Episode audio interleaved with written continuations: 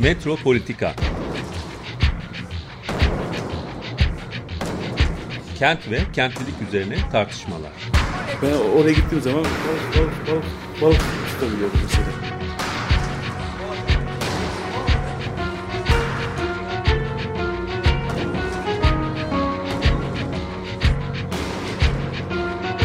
Hazırlayan ve sunan Aysim Türkmen. Kapışıyor. Kolay kolay boşaltamadı. Yani elektrikçiler terk etmedi Perşembe Pazarı merkezini. Bu program İstanbul Hollanda Başkonsolosluğu tarafından desteklenmiştir. Merhaba sevgili Açık Radyo dinleyicileri. Bugün programda e, İstanbul Unbound 8-11 Nisan 2021 tarihlerinde gerçekleşmiş olan yani geçen hafta gerçekleşmiş olan e, Bendine Sığmayan İstanbul Kente Çevresel Yaklaşımlar Konferansı üzerine konuşacağız.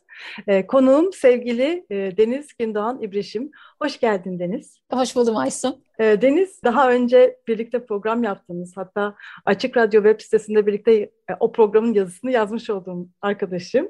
E, kendisi Washington Üniversitesi Karşılaştırmalı Edebiyat bölümünde öğretim görevlisi.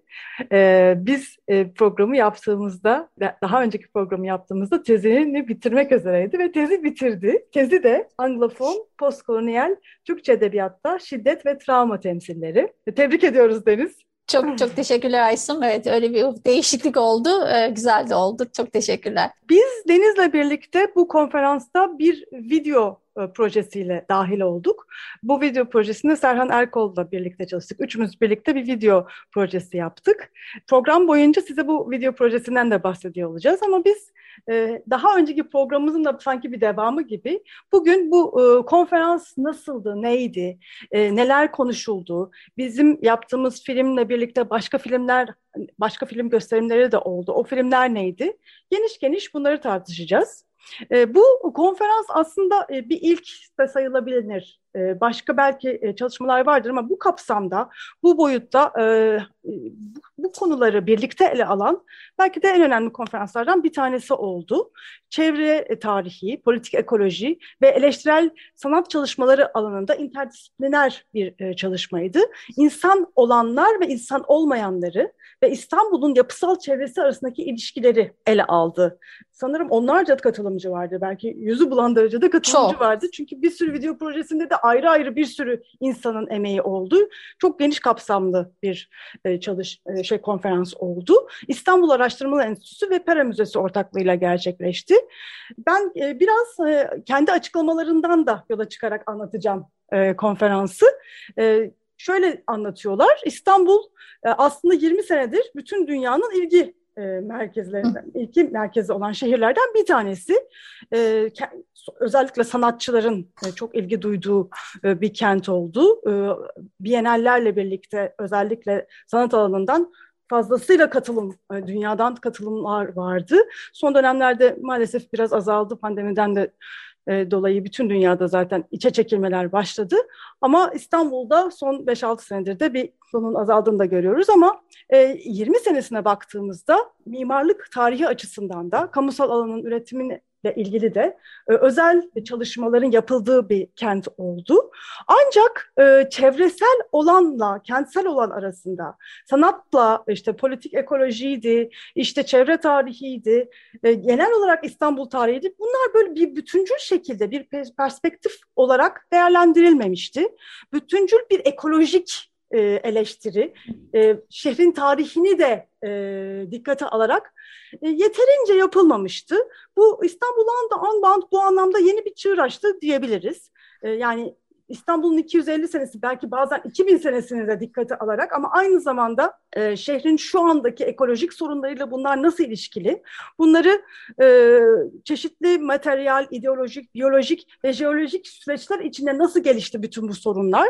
Nasıl şekillendi? Nasıl e, hani nasıl sorular şimdi gündeme getiriyor? Bütün bunları e, tartıştığımız bir e, konferans oldu. Bir de e, belki de hani e, en güzel şeylerinden bir tanesi bizim programda e, yıllardır konuştuğumuz insan olmayanların özneliği, şehirdeki rolleri, temsiliyetleri açısından e, çok önemli e, bir konferans. E, hem e, şeyler, raporlar, hem e, sunulan tezler, sunulan e, konuşmalar, hem de e, şey filmlerde e, balıkları görüyoruz, e, yaban domuzlarını görüyoruz, e, midyeleri görüyoruz, suyu görüyoruz, sudan bakılan bir İstanbul görüyoruz, jeolojik katmanlarından dolayı e, konuşan bir şehir görüyoruz. Ve bu e, hani bu hani hakikaten bambaşka bir bakış açısı da oluşturuyor yaşadığımız kente, yaşadığımız döneme, içinde bulunduğumuz dinamiklere. E, bu konuş bu konferansın açılış konuşmasını da dünyaca ünlü bir e, antropolog yaptı. Anna Singh. Gezegensel olandan tikele, gezegensel olandan partiküler, çok daha e, özgün, tekil olana kozmopolitanizmi insan ötesinde tahayyül etmek. The particular in the planetary, reimagining cosmopolitanism beyond the human. E, bu, bu konuşma da e, sanırım herhalde olabilecek en iyi konuşmalardan bir tanesiydi. Böyle bir konferansın açılış konuşması olarak. E, Anna Singh yıllardır bu konularda harikulade işler yapmış, nefis kitaplar çıkarmış ve birazdan uzun uzadıya anlatacağımız bir atlası da oluşturmuş e, ortaklardan bir tanesi. E, anlatın ki bize biraz anlatır mısın Deniz? Teşekkürler Resim. Yani çok güzel özetledin ilk önce. Konferansın gerçekten çok çok geniş çerçevesini e, ve ne kadar bütüncül bir şekilde e, kente, İstanbul'a e, yaklaştığını ve aslında şunu da belki eklemekte fayda var e, Anna Sink'e geçmeden. E, bedenine sığmayan kent tam da bu dönemde yani aslında tarihsel bir döneme de tanıklık ediyoruz. Covid-19 pandemisiyle birlikte e, ve onun ağır etkisi her şekilde yani hem insanlar insanlar üzerinde, insan olmayanlar üzerinde ağır etkisini görürken e, bu salgının e, insan olan ve insan olmayanların şehri nasıl kurduğunu, demin senin de söylediğin e, daha farklı bir kent tahayyülünü e, nasıl gerçekleştiğini ve aslında şehirlerin de çevrelerinden, insan sakinlerinden, insan olmayan paydaşlarından ayrılamayacağını e, bize gösteren çok kapsamlı ve çok herkesin katıldığı sanırım gözlemlediğim panellerde, girdiğim panellerde 1700-1800 katılımcı vardı ve hepsi de neredeyse aktif olarak olarak e, birbirleriyle yorumlaşıyor, işte kaynaklar paylaşıyor. Çok gerçekten hani neredeyse yüz yüze konferansları aratmayacak nitelikte e, çok keyifli bir organizasyon oldu. Gerçekten organizasyon e, ekibine de buradan tekrar teşekkürlerimizi sunalım. Belki ee, adlarını da bir geçmek Kesinlikle evet. E, e, sevgili Mehmet Kentel, Yasemin Ülgen e, ve diğer e, Pera Müzesi ve İstanbul Araştırmaları ekibine e, buradan tekrar teşekkür edelim. Programımıza da katılmıştı sevgili Mehmet Kentel. Ayrıca sevgilerimizi buradan iletelim ona da. E, Sink gerçekten senin de söylediğin gibi e, Sink çok çok özel ve çok e, şu an antropoloji, işte çevreci, beşeri bilimler, sosyoloji, edebiyat bütün disiplinleri e, birbirine bağlayan, birbirine e, eklemleyen bir antropolog.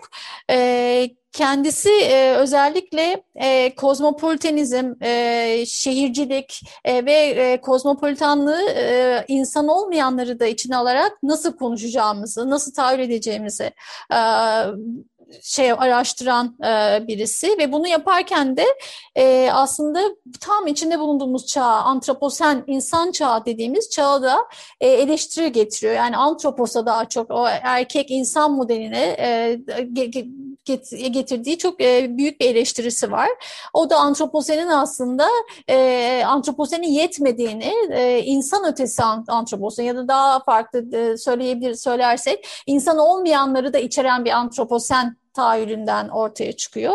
E, bu anlamda e, sözünü edeceğimiz bu e, feral atlas dediği yani yaban atlas gerçekten çok çok önemli. E, burada şunu yapıyor aslında Sink, e, şehirleri kentsel altyapının yamaları ya da kor koridorları olarak düşünürsek bu durumda şunu sorabiliriz diyor. Şehir insan olmayanları nasıl bir araya getiriyor? E, düşman ve müttefiklerimizi nasıl ayırt edebiliriz? E, ve bu konuda ekolojistler, tarihçiler, coğrafyacılar, e, sanatçılar, edebiyatçılar e, hepsine birlikte bir çağrı yaparak e, Feral Atlas e, dedikleri bir saha raporu yayınlıyorlar. E, ve gezegeni kuşatan, işte yaşadığımız kenti kuşatan bütün çevresel hadiseler.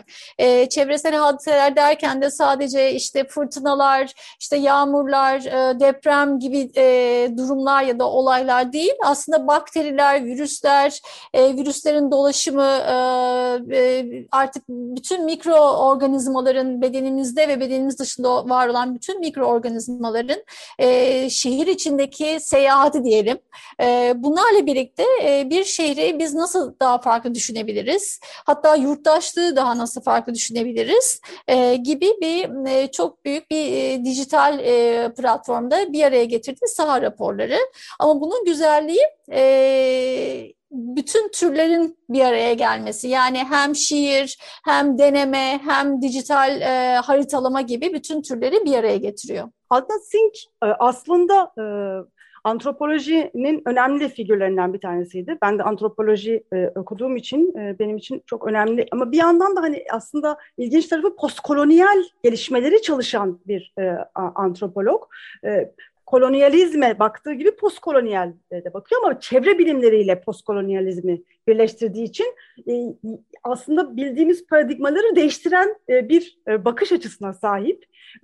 Yalnız da değil bu alanda değil mi? Karen Barat ve Donna Haraway ile birlikte bir feminist bilim çalışmaları paradigmasını oluşturuyorlar. Yepyeni bir bakış açısı oluşturuyorlar kendi alanlarında.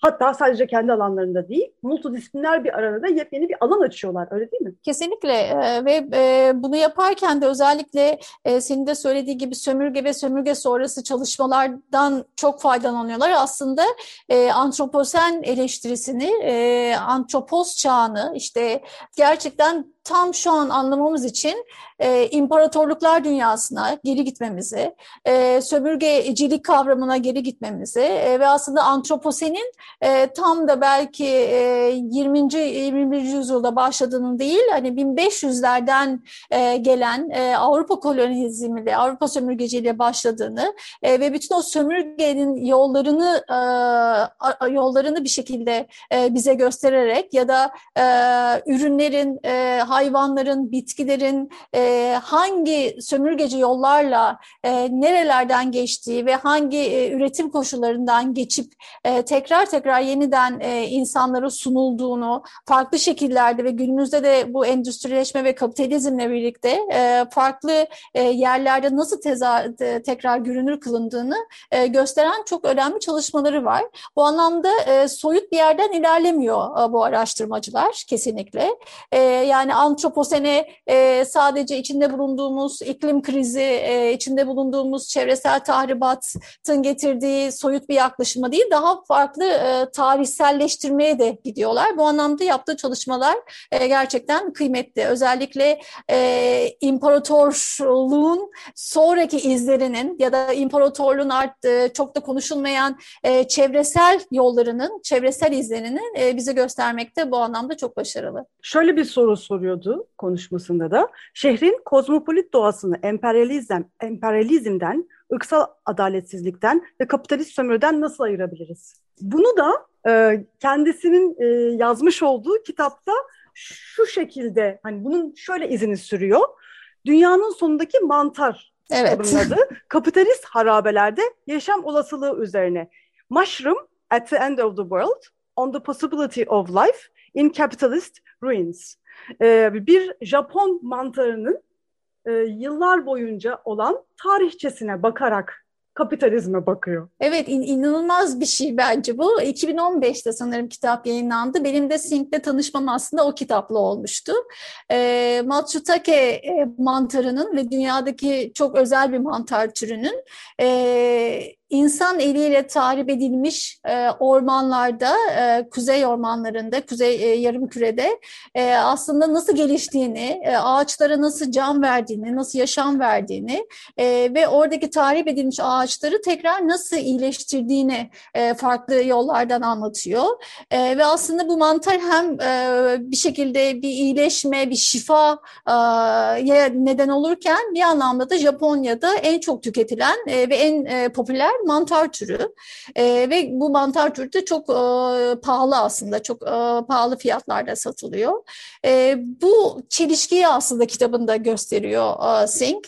Hem mantarın e, bütün o ormanları e, kendi iletişim modelleriyle nasıl tekrar iyileştirdiğini öne çıkarırken hem de bu mantarın çok astronomik fiyatlardaki e, pazarına e, nasıl satıldığına, satılma koşullarına e, ve bu satılırken tabii ki kimlerin hayatının görünür olduğuna, kimlerin hayatının e, belki de gözden çıkarıldığına e, ve o aslında vahşi kapitalist düzene e, değinen, onu sıkı sıkı eleştir, eleştiren e, bir bakış açısı var. Burada mantar, biz mantarla ne yapıyoruz sorusu var. Ama bir yandan da mantar da bizimle ne yapıyor? Yani iki, iki ayrı şekilde bakmak çok önemli. Yani bütün konferansta da bu var artık. Yani e, İstanbul'un balıkları, İstanbul'un kartalları değil, kartalların İstanbul'u. Kartal'ın İstanbul'u hatta yani bir lüferin gözünden biz bakmaya çalıştık. E, bütün konferansta da bu var. Yani bir mantarın gözünden bütün insanlık tarihine, bütün kapitalist tarihine baktığımız zaman neler görüyoruz? Baş, bambaşka bir e, boyut açıyor artık. Kesinlikle ve senin de söylediğin gibi e, aslında mantarın, e, lüferin, e, bir, e, mekanın failliğinin de tekrar kendisine teslim eden bir bakış açısı. Yani çok yüksekten e, gelen bir e, ve insan olmanın verdiği ayrıcalıklı bir bakışla değil, e, mantar bize ne yapıyor, lüfer bize ne, ne yapıyor, bizi nasıl değiştiriyor, e, aidiyetimizi tekrar e, nasıl bize e, düşündürtüyor, dünyadaki yerimiz kendimizi bize tekrar e, bir mantar nasıl düşündürtüyor? Bunlar gerçekten çok önemli. Hatta e, edebiyata tekrar e, gidecek olursam ben hem e, Tanpınar'da hem de e, Sema Kaygus'un metinlerinde lüfer için şöyle bir şey var. Ben işte lüfer tutmuyorum, balığa yakalanmıyorum. Balık beni yakalıyor. Ben balığın zamanına geçiyorum. Balığa ben yakalandım gibi birçok böyle bakış açısı ve tahayyül görüyoruz. O yüzden belki de biz mantarlara yakalanıyoruz e, ve biz mantarların dünyasında belki de biz onların dünyasında şu an e, işgalci durumundayız. E, o yüzden bu bakış açısı yani bakışı tersine döndürerek oradan e, bir tarih yazımı, oradan bir e, dünya tahayyülü e, üretmek e, gerçekten heyecanlı ve e, önemli. Konuşmasında bir de e, verdiği örneklerden bir tanesi de e, sığırların otladıkları meralarla e, ilgiliydi. E, aslında e, bu özellikle Latin Amerika'da e, sömürgelerin oluşmasıyla birlikte çiftçiler oralarda işte arazileri açıp açıp tarım yapıyorlar ve buralarda aynı zamanda da sığırlar otluyorlar. E, şimdi bir yandan aslında bu otlaklar, bütün bu otlaklar ormanların yenilenmesini de e, engelliyorlar. Yani bir yandan e, çiftçileri engelliyorlar, çiftçilerin tarım arazilerine müdahale ediyorlar. Hatta onları e, istila ediyorlar. E, diğer yandan da onun ormanların yenilenmesine de engel oluyorlar. Yani bildiğimiz yani e, hani e, baktığımız aşı, bakış açısından şimdiye kadar var olan bakış açılarından bu meraları değerlendirmemiz, anlamamız çok çok zordu. Ama şimdi bambaşka bir bakış açısıyla yani e, bu sadece insanların e, niyetleriyle, suçlarıyla veya da e, öznellikleriyle yarattıkları şeylerin ötesinde dinamiklerle bütün bu sömürge e, mesela dinamikleri nasıl oluştu? Buraya bakmak yani hani bizim dışımızdaki nesneler, hayvanlar, durumlar da aslında bu, bütün bu sömürge dinamikleriyle iç içe e, yeni alanları oluşturdular. E, bu, buraları görmek çok ilginç ve Amerika'nın keşfinin de aslında bambaşka bu antroposeni niye başlattığını anla, anlayabiliyorum ben artık. Yani Amerika'nın keşfiyle bir sürü doğa e, biçimi yeniden şekilleniyor. İnsan e, varoluşu, insan yemek yeme şekilleri, e, do, doğanın e, istila şekilleri yeniden ve yeniden oluşuyor. Evet çünkü e, aslında bu insan altyapıları tam da o zamanlarda tasarlanıyor, tam da o zamanlarda şekilleniyor. E, ve e, biz hiçbir zaman sömürgeyi, tarihi, emperyalizmi düşünürken insan olmayanların e, failliklerinin ne kadar etki ettiklerini bu anlamda eğer çok düz bakış açısıyla bakarsak bu anlamda gerçekten düşünmüyoruz. Ama aslında onların e, faillikleri, temsilleri, açmazları, hangi yollara temas ettiği e, ve hangi yollardan bugüne geldiği e, gerçekten e, inanılmaz bir bakış açısı e, sağlıyor bize. Ve genelde e, işte meraları ya da farklı e, doğal alanları e, dünyamızın çok daha dışında, sosyal dünyamızın, kültürel dünyamızın çok daha dışında konumlandığımızdan e, bir e, sömürgeci e, toplumunda bunun yarattığı tahribatı e, ya da e, bunu e, Rob Nixon gene çevreci beşeri bilimler araştırmacısı çok güzel söylüyor. Environmentalism of the poor yani hani fakirin e, ya da yoksulun, düşkünün aslında e, e, çevresel bilgiyle hem donatıldığı hem de aslında bunu ona çok zarar verdiğini anlatıyor. Çünkü bir şekilde biz bunu bilemiyoruz. Bu tarz bağlantıları yapmadığımız sürece, sync gibi görmediğimiz sürece bunları anlamamız, ilişkilendirmemiz, bugüne taşımamız çok çok zor gözüküyor. Sync'in ortak Laş'a gerçekleştirdiği bir projeden bahsetmiştik programın girişinde. Feral Atlas. Bu e, atlası aslında e, dinleyicilerimiz de e, internetten takip edebilirler. feralatlas.org ve aslında çok da tavsiye ederiz. E, çünkü e, bu program boyunca bahsettiğimiz bakış açısını orada e, bu web sitesinin içinde dolanarak da hissedebilirler. E, farklı farklı araştırmalar, raporlar ve e, video şehir şiirsel videolarla görsel olarak da görebilirler. Özellikle ses çalışmaları da bu videolarda çok etkileyici. Feral Atlas bildiğimiz coğrafi haritalama tekniklerinden farklı bir şekilde bir atlas tahayyülü, bir bir haritalama, bir bakış açısı tahayyülü. Feral ne demek? Aslında İngilizce bilen e, insanlar için bile feral e, böyle tam da anla, anlayamadıkları, tam adını koyamadıkları bir kelime. Feral ne demek Deniz? Aslında tam o motomot birebir e, çevirisini yaptığımızda yaban diyebiliyoruz. Ama e, senin de söylediğin gibi e, eğer projeye baktığımızda feralatlas.org'a girip baktığımızda e, bu yabanın da çok yetmediğini görüyoruz proje için aslında ya da Türkçe karşı olarak çok yetmediğini görüyoruz. Yabanı ben biraz açtığımda şöyle söyleyebiliyoruz. Yani yerleşim bölgesi dışında kalan, insan bulunmayan çok ıssız yerler e, ve bu ıssız yerlerde e, kendi kendine yetişen e, bitkiler, çalılar, çırplar, kendi kendine e, yetişen başka bir hayat aslında.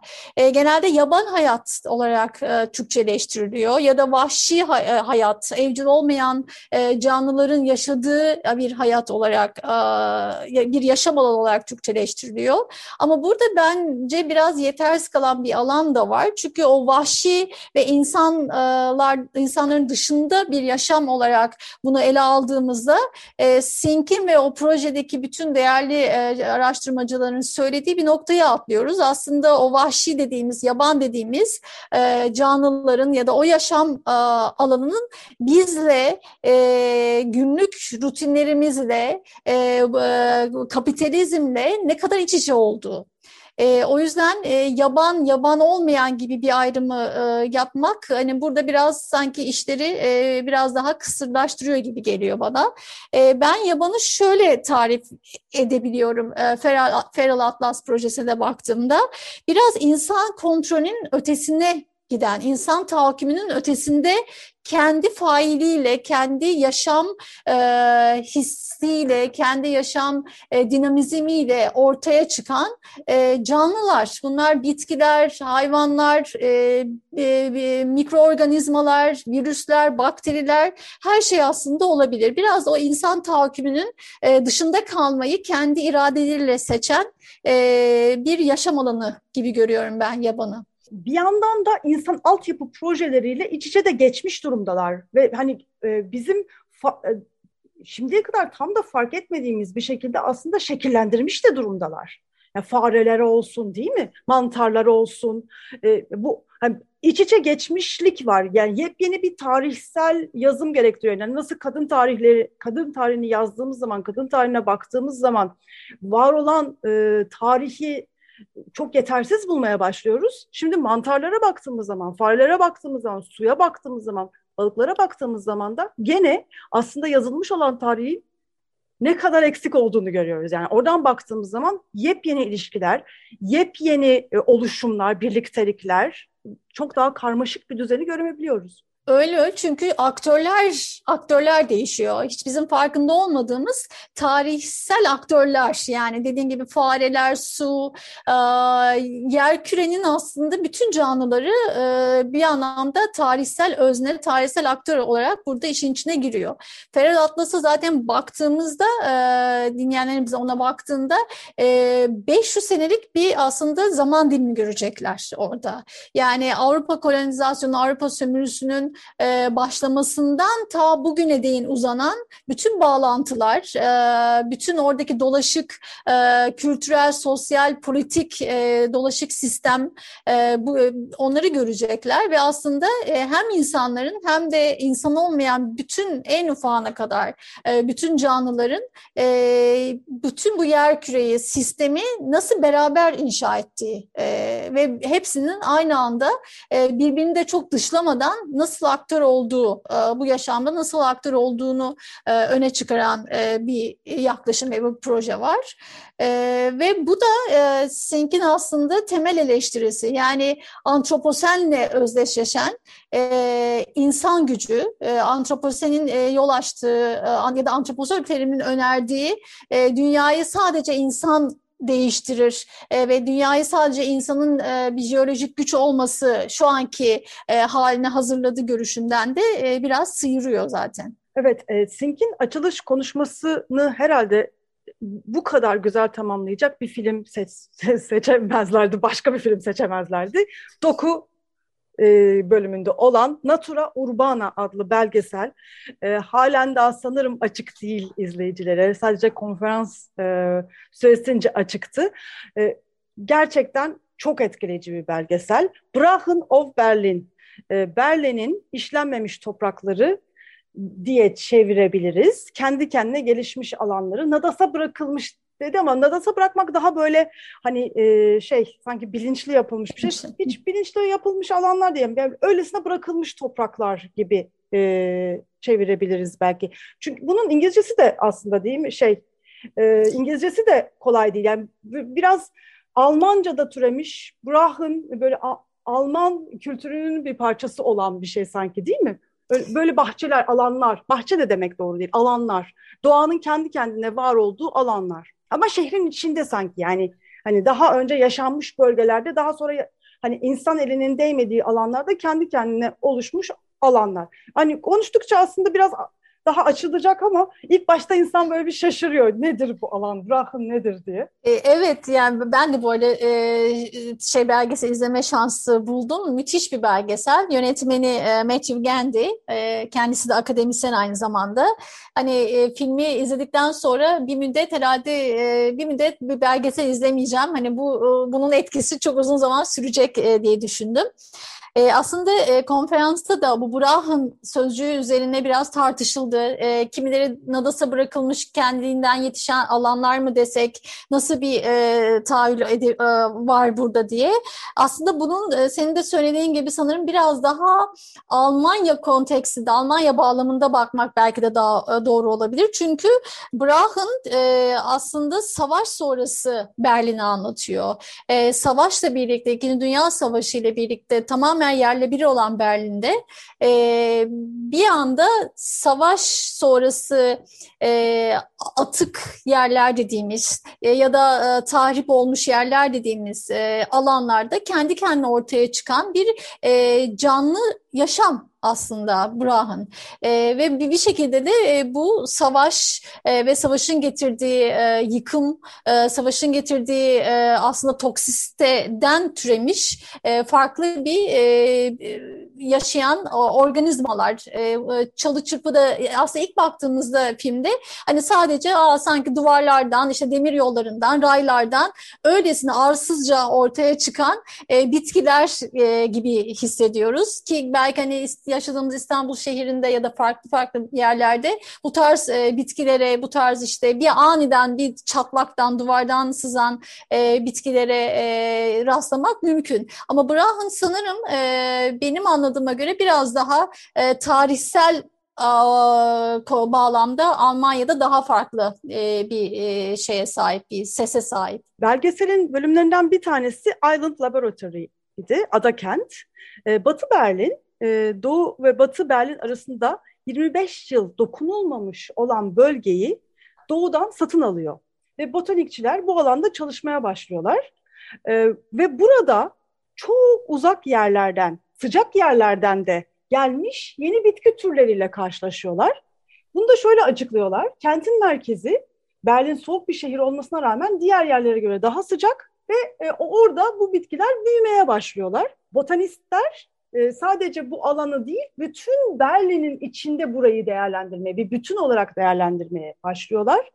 E, ve e, çok enteresan hakikaten ilişkiler, çok enteresan büyük yani okyanusu aşmış gelmiş, gemilerle gelmiş olan farklı türlerle karşılaşıyorlar. Harikulade bir ekolojik çeşitlilikten bahsediyoruz. Ve e, oralarda inşaat da yapılmadığı için böyle kendi kendilerine var olabildikleri için acayip bir eko, yepyeni bir ekosistem oluşturmuşlar. Evet, özellikle Kırgızistan'dan, e, Azerbaycan'dan, mesela Ukrayna'dan gelen bitkilerin Berlin'i nasıl değiştirdiği ya da o Brahın dediğimiz hani tamamen e, savaşta yerle bir olmuş çorak arazi dediğimiz e, ve artık üstünde hiçbir şey yetişmeyecek ve gözden çıkarılmış alanlar dediğimiz yerlerde hani birden göçmenlerle, savaş sonrası göçmenlerle taşınan bitkilerin genellikle işte trenlerde yolculuk eden e, göçmen insanlar yerinden yurdundan izmiş insanların mesela yanında taşıdığı samanlarda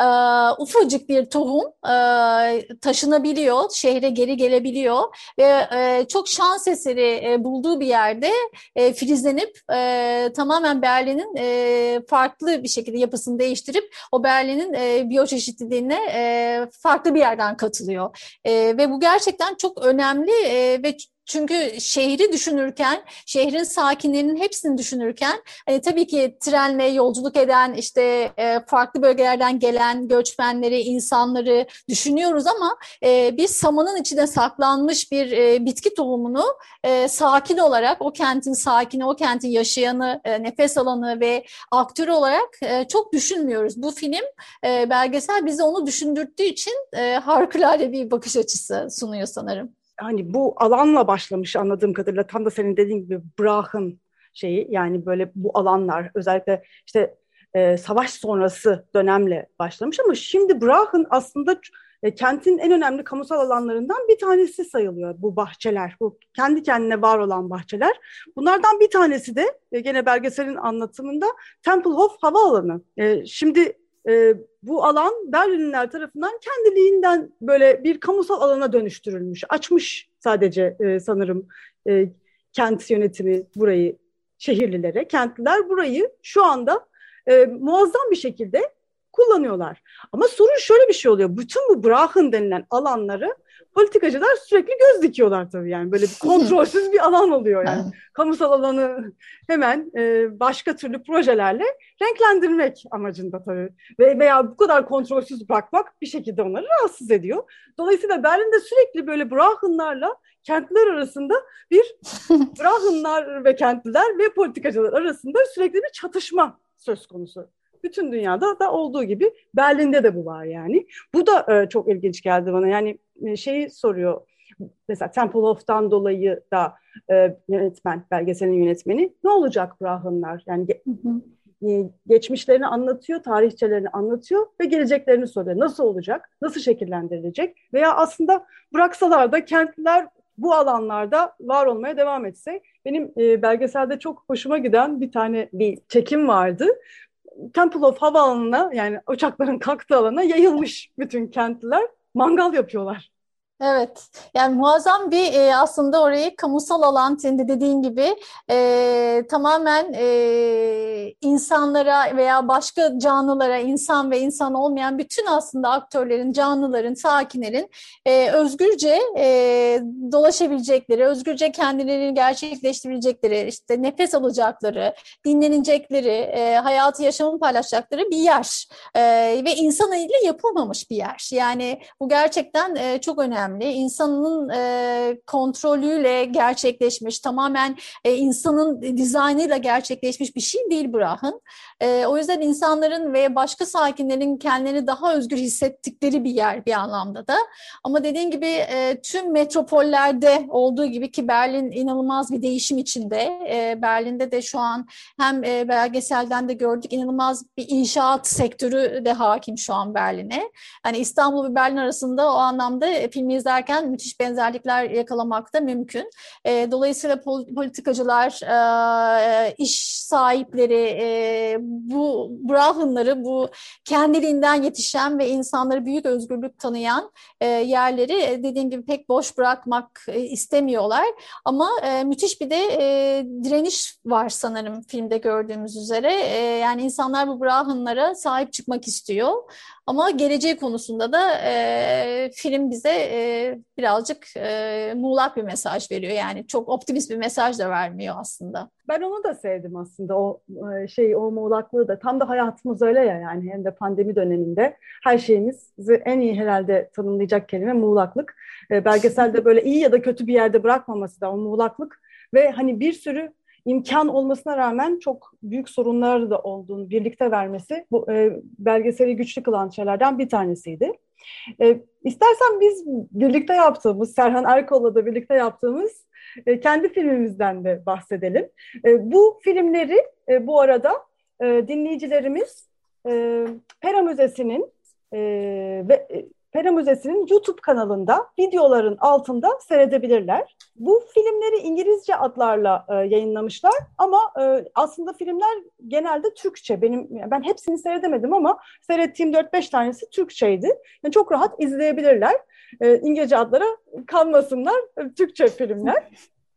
Bizim filmimizde e, Beykoz üzerineydi. Filmimizin adı e, bu bir video art projesi onu da söyleyelim. Bir film değil aslında belgesel bir film değil. Belki bir hani e, preview'su sayılabilir ama aslında bir video art projesiydi. Deniz Küstü, Solastalgia ve Ekolojik Keder. E, sevgili Deniz'in bize e, tanıttığı bir kavramdı solastalgia. E, biz oradan harekete e, hareket ettik, oradan çıkış yaptık ve sonra Beykoz'da bir serüven başladı. Evet bence çok çok güzel bir serüvendi. Tekrar e, emeği geçen herkese ben buradan çok teşekkürlerimi sunayım. Çok keyifli e, bir e, projeydi.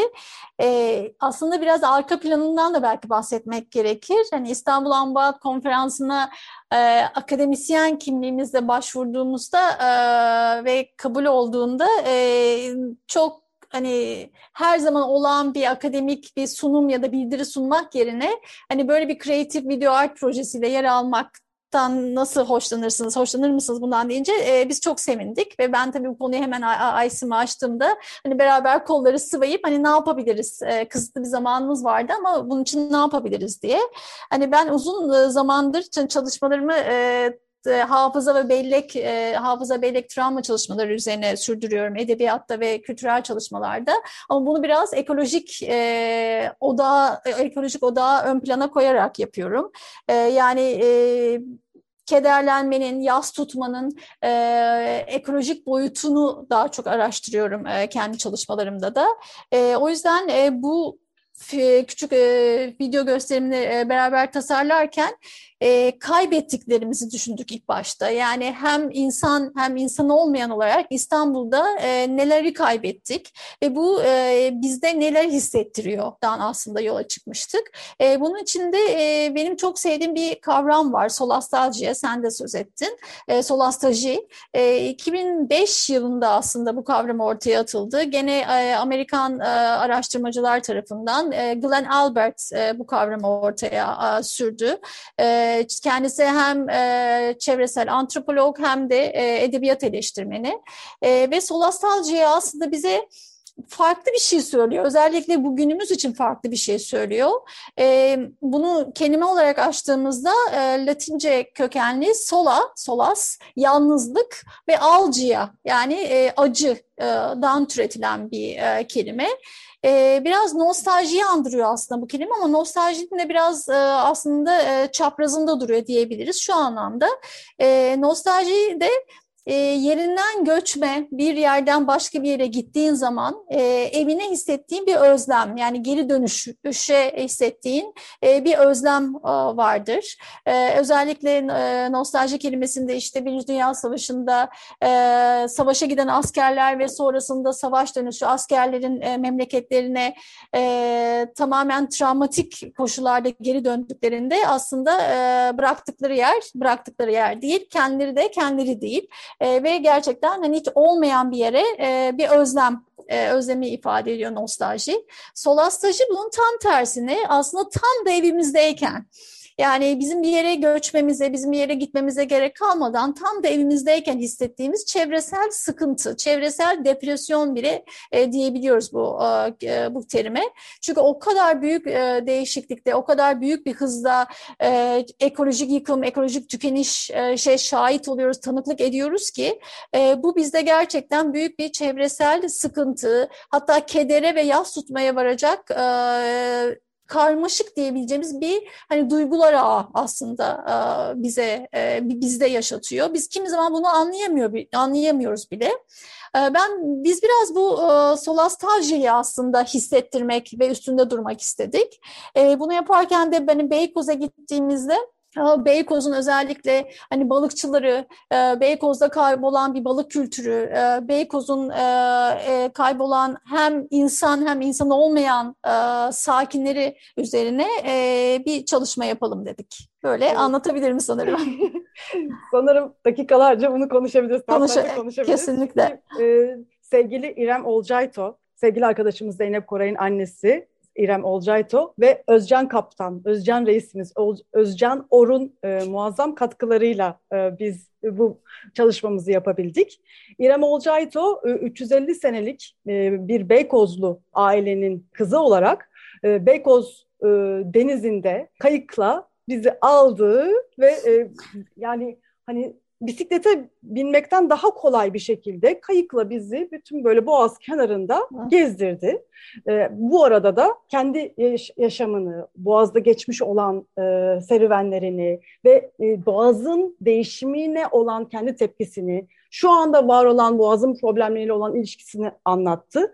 Özcan e, Reis ise eğer Beykoz'a yolunuz düşerse kesinlikle tanışın. Ee, kesinlikle evet.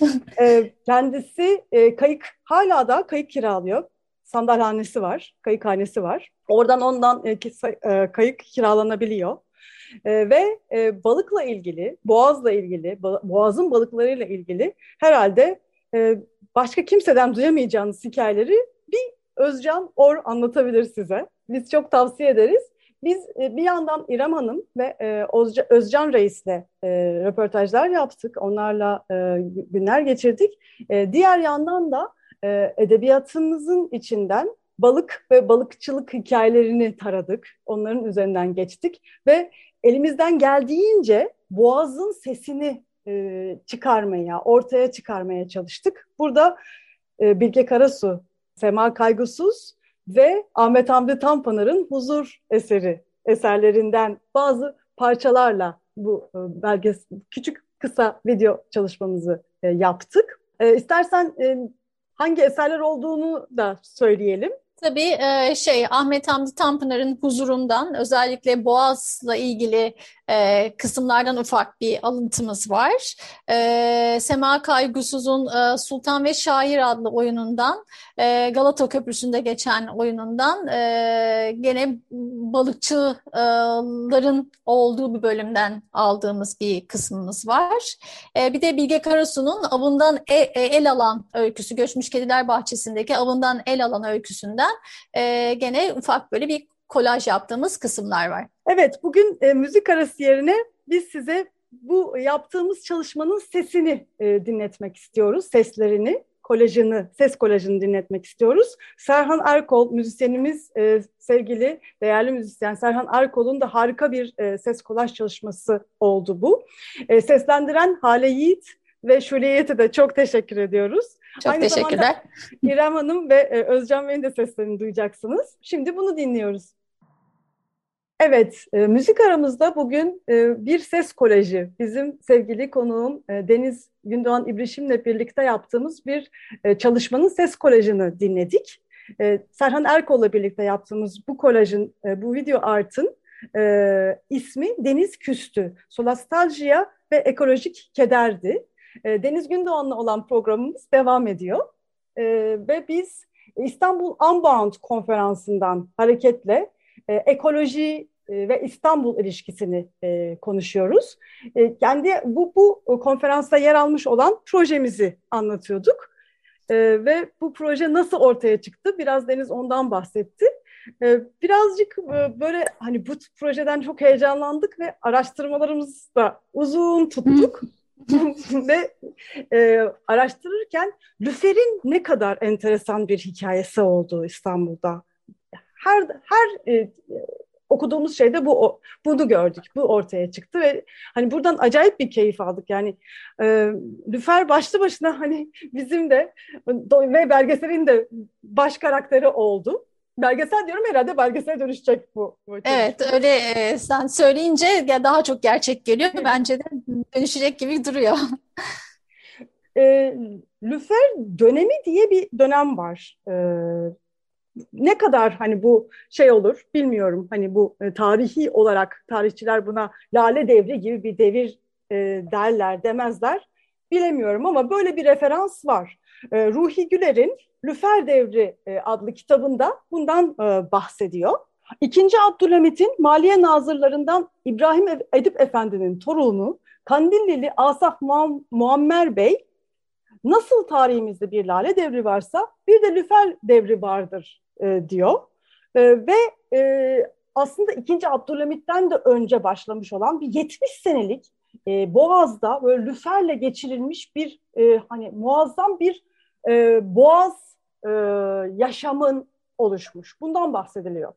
Bu lüfer e, avları, mehtap geceleri, lüferin beklenmesi, lüferin nasıl kıvrak olduğu, nasıl kurnaz olduğu, balıkçıları nasıl peşinde dolandı, do, dolaştırdığı ve sonra uzun uzun e, eserlerde lüferin tadına doyulmazlığı anlatılıyor. E, evet aslında e, Ruhlu Güller'in o çalışmasında e, senin de söylediğin gibi biraz Osmanlı'nın o dönemlerinde e, e, 1858-1900'larında her şeyin bir şekilde tam o modernleşme ve batıdan ithal edildiği bir dönemde bir şekilde lüfere karşı daha farklı bir ilgi doğuyor ve bu ilgiyi de bir şekilde yerli bir merakın hani ortalığı bu şekilde kasırıp kavurmasından bahsediyorlar.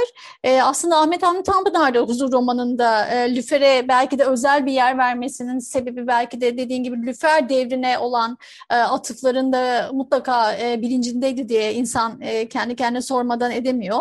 Ama Lüfer merakının oluşmasında e, sanırım o dönemin şirketi Hayriye'nin katkıları da çok önemli. E, çünkü hem Boğaziçi kıyılarının bir şekilde meskun hale gelmesinde hem de Lüfer'e e, hem sosyal yaşamda, toplumsal yaşamda e, hem de daha endüstri anlamında e, bu, bu şirket gerçekten e, farklı yollar açmış deniliyor o çalışmada. E, o yüzden bir Boğaz içinde e, bir dönem e, hem Lale Devri hatta Lale Devri ile birlikte biraz rekabet eden Lüfer Devri'nin yaşandığı söyleniyor. Yani bu gerçekten ilginç bir e, çalışma ve ilginç belki hani e, hipotez. Hani bunun yansımaları e, edebiyatta işte kültürel çalışmalarda dönemin sanatında e, nasıl e, bir araya gelmiş aslında onlara bakmak, onların izini sürmek e, sanırım birçok yol açabilir belki de e, Sink'in konuştuğu o İstanbul sakinleri ya da hani şehrin sakinleri, karar vericilerini içine belki de Lüfer'i de e, bu anlamda e, imparatorluğu da düşünerek katmak e, farklı bir e, şehir anlayışını, farklı bir e, İstanbul anlayışına doğru e, bizi götürebilir. Da gerçekten dediğin gibi bambaşka bir bakış açısı sunuyor. Yani mesela edebiyatın bu materyal e, şeylerini takip etmek de ilginç geldi bana. Bu projede benim beni çok heyecanlandıran e, şeylerden bir tanesi de buydu. Birbirimizi mi boğazı mı seviyoruz e, alıntısını yap, yaptığımız huzur romanını mesela o bölümü, o aşkın oluştuğu bölüm, Mümtaz'la Nura'nın aşkının oluştuğu bölüm Lüfer avıyla iç içe e, olarak kurgulanmış. Bunu e, ben defalarca huzuru okuyup üzerine çalışıp hatta dersini vermiş olsam bile burayı atlamıştım. Ve Lüferov'u yani e, gerçekten e, Nuran'ı Nuran'a aşık olduğu an Nuran'ın lüfer tuttuğu an Mümtaz'ın. Lüfer avın, o oltayla lüfer beklerken olan an.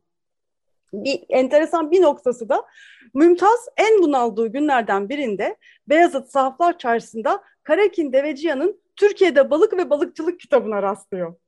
Yani böyle hani hakikaten bildiğimiz o e, şey, e, o romantize de edilmiş boğazın ne kadar materyal noktalardan oluşmuş olduğunu, ne kadar hani aslında e, materyal tarihle şekillenmiş olduğunu göstermesi açısından bana çok güzel geldi. Evet ve özellikle hani her zaman okuduğumuz e, o hani Mümtaz Nur'un aşkının e, fazla belki mistik ve boğazla özdeşleşmiş halini de hani biraz daha belki demistize eden e, bir hali de var.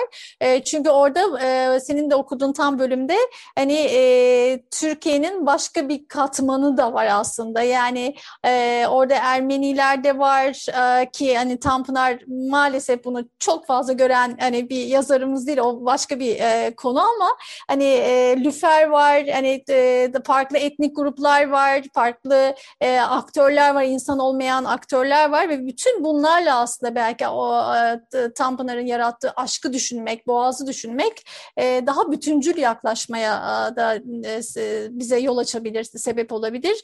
E, ve dediğin gibi e, materyal izlerden gitmek e, her zaman e, sanırım bu e, İstanbul Ambaat Konferansı'nda aslında e, bize verdiği o ekoetik ihtimamı da gözetmemize e, imkan sağlıyor diye düşünüyorum. Evet, e, burada hani ekolojik keder ve yası hissettik, e, yas tutmanın ne kadar önemli olduğunu hissettik de ama bir yandan da bütün bu araştırmalar e, içinde ben şeyi de fark ettim. Her dönemde bir yas da var. Her dönemde bir ah ah bitti, ah ah kayıp yani ah o ne kadar güzeldi lüfer mevsimi. Hani şimdi hani e, konuştuğumuz insanlarda ya da bizde bile ah ah ne güzeldi Boğaz. Hani böyle bir hani sürekli ve sürekli vah vah vah solastalji aslında e, böyle 300 senedir yani modernleşme e, sürecinde sürecince var olmuş olan e, bir e, biçim. Yani aslında şu andaki varoluşumuz da belki biraz o yerden de oradan da görerek yani neler yapabiliriz? Materyal olarak nelere tutunabiliriz? Nelere tutab nelerden dolayı imkanlar yaratabiliriz diye tekrar tekrar düşünmek gerektiğini bu yani bu video art çalışmasında da hissettim. Seninle beraber bütün bu şeyi yapmak da harikuladeydi. Kesinlikle öyle. Ben de çok çok keyif aldım, çok mutlu oldum ve çok heyecanlıyım. Yani hala o heyecanım e, içime sığmıyor diyebilirim. Hani e, videomuzu çıkarttık, hani çok da keyifli yorumlar e, aldık bu güzel ortaklaşa çalışmayla ama hala onun heyecanı e, sanırım e, bedenimden taşıyor. E, senin dediğin konu bence çok önemli çünkü e, bu ah ah ya da artık gitip gitmelerin, yaz tutmanın hep o travmatik paradigmasına bir şekilde takılıyoruz. Ee, yani aslında bir yerden de hani farklı bir yerden de umut devşirmemiz e, de belki e, bize bize daha farklı kapılar açabiliyor. Ya yani o travma zamanına belki çivilip kalmak e, ya da o yitikliğin, e, kayboluşun e, bir şekilde hep e, olumsuz yanına saplanıp kalmak e, farklı tahayyülleri, farklı yollarında kapısını kapatıyor e, diye düşünüyorum. Evet, e, bu keyifli sohbetimiz, programımız maalesef bitmek zorunda. E, çok teşekkür ediyorum e, Deniz. Hakikaten yepyeni bir çığır açtın benim için de, program içinde. Bu üçüncü programımız sanırım. Üçüncü, üçüncü programda, program, evet. üçüncü programda gittikçe genişliyoruz, büyüyoruz. Biz de bu konseptlerle yeniden düşünüp üretmeye başladık. Çok teşekkürler. Ben çok teşekkür ederim her zaman. Çok sağ ol. Evet, Deniz Gündoğan İbrişim'le olan programımız burada sona eriyor ve iyi haftalar diliyoruz.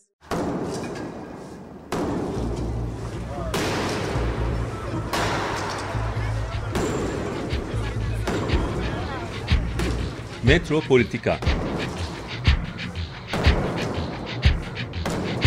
Kent ve kentlilik üzerine tartışmalar. Ben oraya gittiğim zaman balık balık balık balık tutabiliyordum mesela.